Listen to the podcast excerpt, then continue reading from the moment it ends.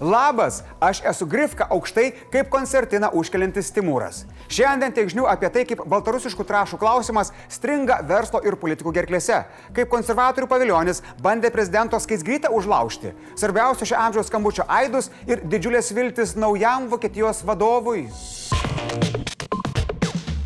7 val. ryto įsigaliojo JAV dar rūpjūtį įvestos sankcijos Minskui. Tiksliau vienai didžiausių pasaulyje trašų gamintojai ir eksportuotojai Belaruskaliai. Sankcijos draudžia sandorius su bendrovė sudaryti JAV įmonėms ir piliečiams. Už susitarimus draudžiama atsiskaityti doleriais. Kai sankcijos buvo įvedamos, mes labai aiškiai deklaravom, kad stos tie baltarusiškų trašų vagonai ir neremsim to krūvino Lukašenkos režimo.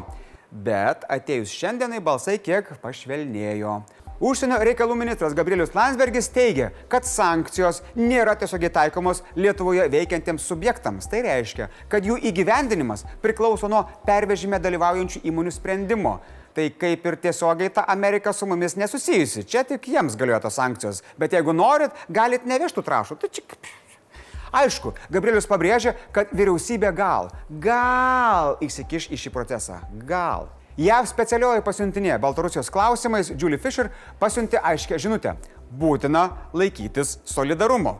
Šimonytė sako šią žinutę supratusi. Nematau uh, galimybės, kad šitas tranzitas galėtų ilgai tęstis. Nes šios sankcijos turi tam tikrą tikslą, kuriam Lietuva kaip valstybė visada pritarė, kad autokratiniai režimai na, turėtų gerokai mažesnį finansinį komfortą. Seimo pirmininkė irgi pareiškė, kad Lietuva turi nutraukti baltarusiškų trašo tranzitą. Anot jos labiausiai raginame taikyti sankcijas, tad galimi nuostoliai negali būti supriešinami su vertybinė pozicija.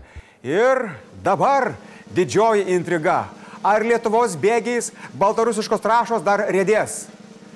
Taip, na bent jau iki sausio. Kodėl? Pagal sutartį su Lietuvos geležinkeliais Baltarusijos bendrovė už šios krovinius atsiskaitė iš anksto. Kaip pastebėjo žurnalistas Paulius Gritienas, apmokėjimas padarytas iš anksto, tad vertybės teks atidėti. O nori dar vieną bairį? Už paslaugas Lukašenkalijus avansą pervedė lapkritį ir jis buvo priimtas, nors žinota, jog sankcijos įsigalioja už mėnesio. Nu, Mykolai Majauskui tokia naujiena, cituoju, netelpa galvoje. Susisiekimo ministras irgi nustebo, nes Baltarusijai nėra tipiška mokėti avansus. Tad Gabrielius ketina aiškintis šią unikalią pinigų prieimimo situaciją. O Seimo ekonomikos komiteto pirmininkas Kazis Tarkevičius sakė, kad ES sankcijos sutarčių įtraukti neįpareigoja. Tai jeigu Lietuva pati nutraukia sutartis, patirs nuostolius. O kaipgi solidarumas? Pasak Starkevičiaus, solidarumas nuostolių neapmokės. O praradimas nėra mažas - apie 49 milijonus eurų. Žodžiu, vertybiškai ką daryti kaip ir aišku, bet verslas nevertybėmis gyvas. Ką daryti? Nu, tai rašykit komentaruose. Manau, premjerė ir mūsų ministrai tikrai ten ateina variantų pasiskaityti. Parašykit. Tarp prezidentūros ir Seimo narių vėl skraido žaibai. Jei vardais, tai tarp vyriausios prezidento patarėjos Astos Kaisgirytės ir Seimo užsienio reikalų komiteto pirmininko Žygimanto paviljonio. Prezidento kanceliarija nurodo, kad lapkričio 26 ir 29 dienomis prezidentūra gavo du laiškus, abu adresuoti Skaisgirytai ir pasirašyti paviljonio. Juose paviljonis prašo, kad vyriausioji patarėja jam teiktų paaiškinimus dėl savo darbo funkcijų, jas apibrėžiančius teisės aktus, aiškintųsi dėl to, kaip bendradarbiauja su užsienio reikalų ministerija ir vyriausybė, teiktų paaiškinimus dėl savo darbo ir konkrečių funkcijų vykstant su prezidentu Europos vadovo taryba. Nepavargot, tai čia dar ne viskas. Va čia yra viskas. wow.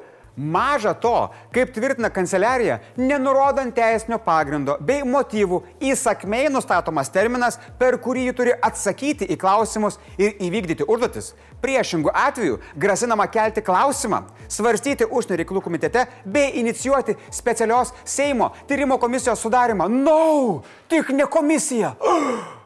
Už tokią paviljonio išdaigą prezidento kanceliarija raštu kreipėsi į parlamentarą. Kanceliarijos teigimu tai primena psichologinį spaudimą ir kelia susirūpinimą, ar šis nelaužo priesaikos. Uhuhu. Na, dėl tokių laiškų paviljonis jau tikrai negali apkaltinti hakerių ir provokacijų. Teks kažkaip vartytis. Uh, ir jis vartosi.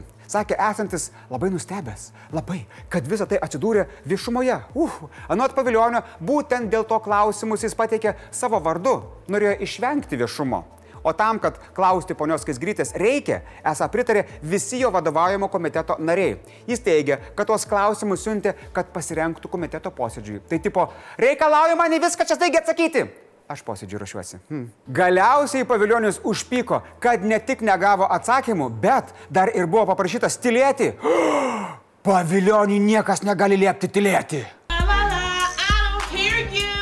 Jis apkaltino prezidentūrą sovietiniu stiliumi, kai vietoj atsakymo pats gauni klausimą ir dar būni apkaltintas. Na, tokiais apibūdinimais kaip sovietinis stilius žygį mėtytis gal ir nereikėtų. Nes jei tikrai tai būtų, laiškus į prezidentūrą tektų rašyti iš Sibiro, užrašus jį ant negyvo tremtinio nuplėštos odos gabaliuko.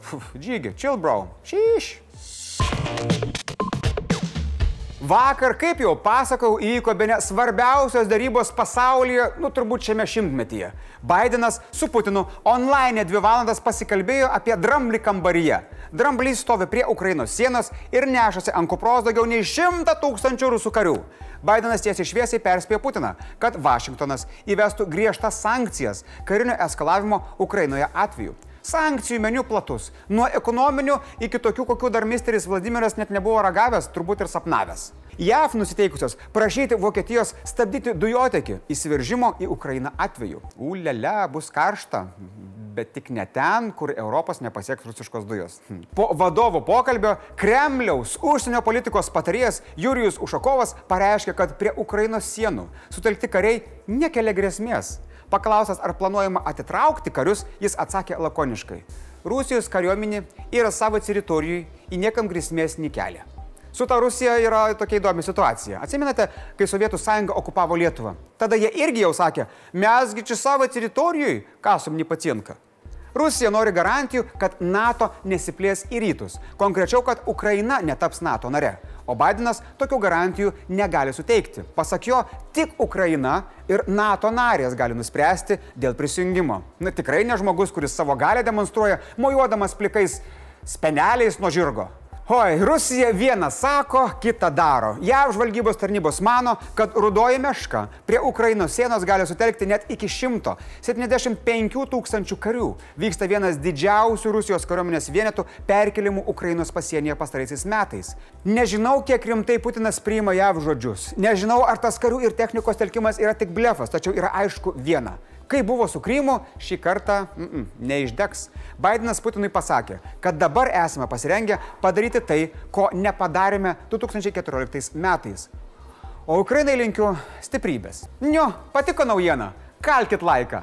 O jei jums atrodo, kad laiko yra per mažai, prašom, visada galite paremti mus Patreone. Štai čia įdėsim nuorodą, va dabar, va, pup, pup. Daugiau apie šio skambučio reikšmę pažiūrėkite tiek žinių kalba ekspertas. Aš ne ekspertas, aš tik gražus. Pasibaigė net 16 metų trukusi Vokietijos kanclerės Angelos Merkel era. Išrinktas naujasis kancleris Olafas Šolcas. Nepainioti su Štolcu. Rimtai, susiturėkim. Šolcą slaptame balsavime palaikė 395 iš 707 parlamentarų.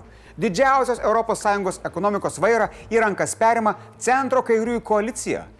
Šolcas subūrė šviesoforo koaliciją su žaliaisiais ir liberale Laisvųjų demokratų partija. Tai pirma tokia koalicija Vokietijos istorijoje, o šviesoforu pavadinta pagal partijų spalvas.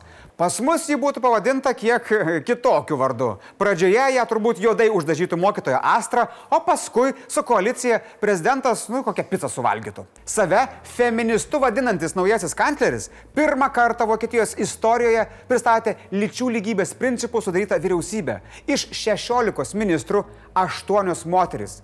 Šiaip, pas mus Lietuvoje yra žymiai geriau šio klausimu. Tris aukščiausius postus Lietuvoje valdo praktiškai moteris.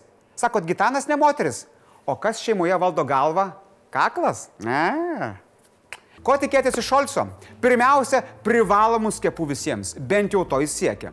Antra, stabilumo, bent jau jis tai žada.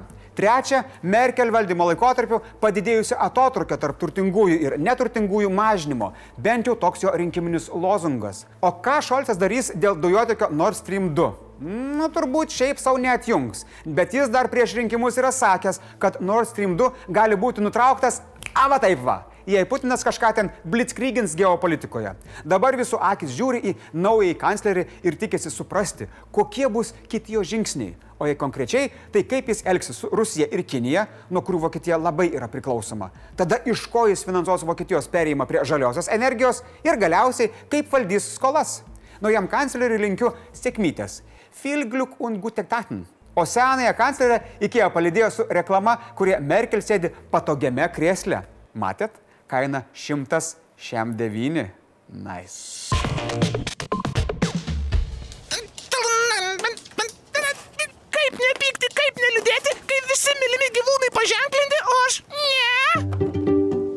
Na jau, nemylėti tokio gražuolio neįmanoma. Greičiausiai tavo šeimininkai tiesiog nežinojo, kad nuo gegužės pirmos dienos privalomas šunų, kačių bei šeškų ženklinimas. Sužinok, kur gali paženklinti savo augintinį. Paženklink mane.lt. Apie privalomą gyvūnų ženklinimą informuoja Blitz naujienos pranešama, kad koronaviruso omikron variantas nėra baisesnis už kitas atmainas, nors tikėtina, kad jis užkrečiamesnis. Labai mažai tikėtina, kad gali visiškai apeiti vakcinų apsaugą. O pasak BioNTech paskiepytieji trimis dozėmis yra veiksmingai apsaugoti. Rusijos raketa Sojus išskraidino japonų verslo magnatą į tarptautinę kosminę stotį. Ir čia ne anegdotas. Ši milijardieriaus Jusako Majadzavo kelionė žymi Rusijos sugrįžimą į kosminio turizmo pramonę. Jusako stotie turėtų praleisti 12 dienų, per kurias jis nori įgyvendinti 100 užduočių, įskaitant pažaisti golfą. Nu šiaip tai čia ne užduotis. Universitetų ir gimnazijų lyderiai išlaiko pirmasias pozicijas. Tarp universitetų pirmauja, oi, oi, oi, Vilniaus universitetas. Gimnazijų Vilniaus ir Klaipėdos licėjai. Kauno technologijos universiteto gimnazija. Draugai, primenu šios dienos komentarų klausimą. Noriu, kad parašytumėte, ką daryti šitų baltarusiškų trašų, nu, tokios krizės fone. Leisti vagonam važiuoti ar vis tik laikytis savo vertybinės pozicijos. Mm, sveriam. O dar tik noriu priminti, kad sninga ne tik Lietuvoje.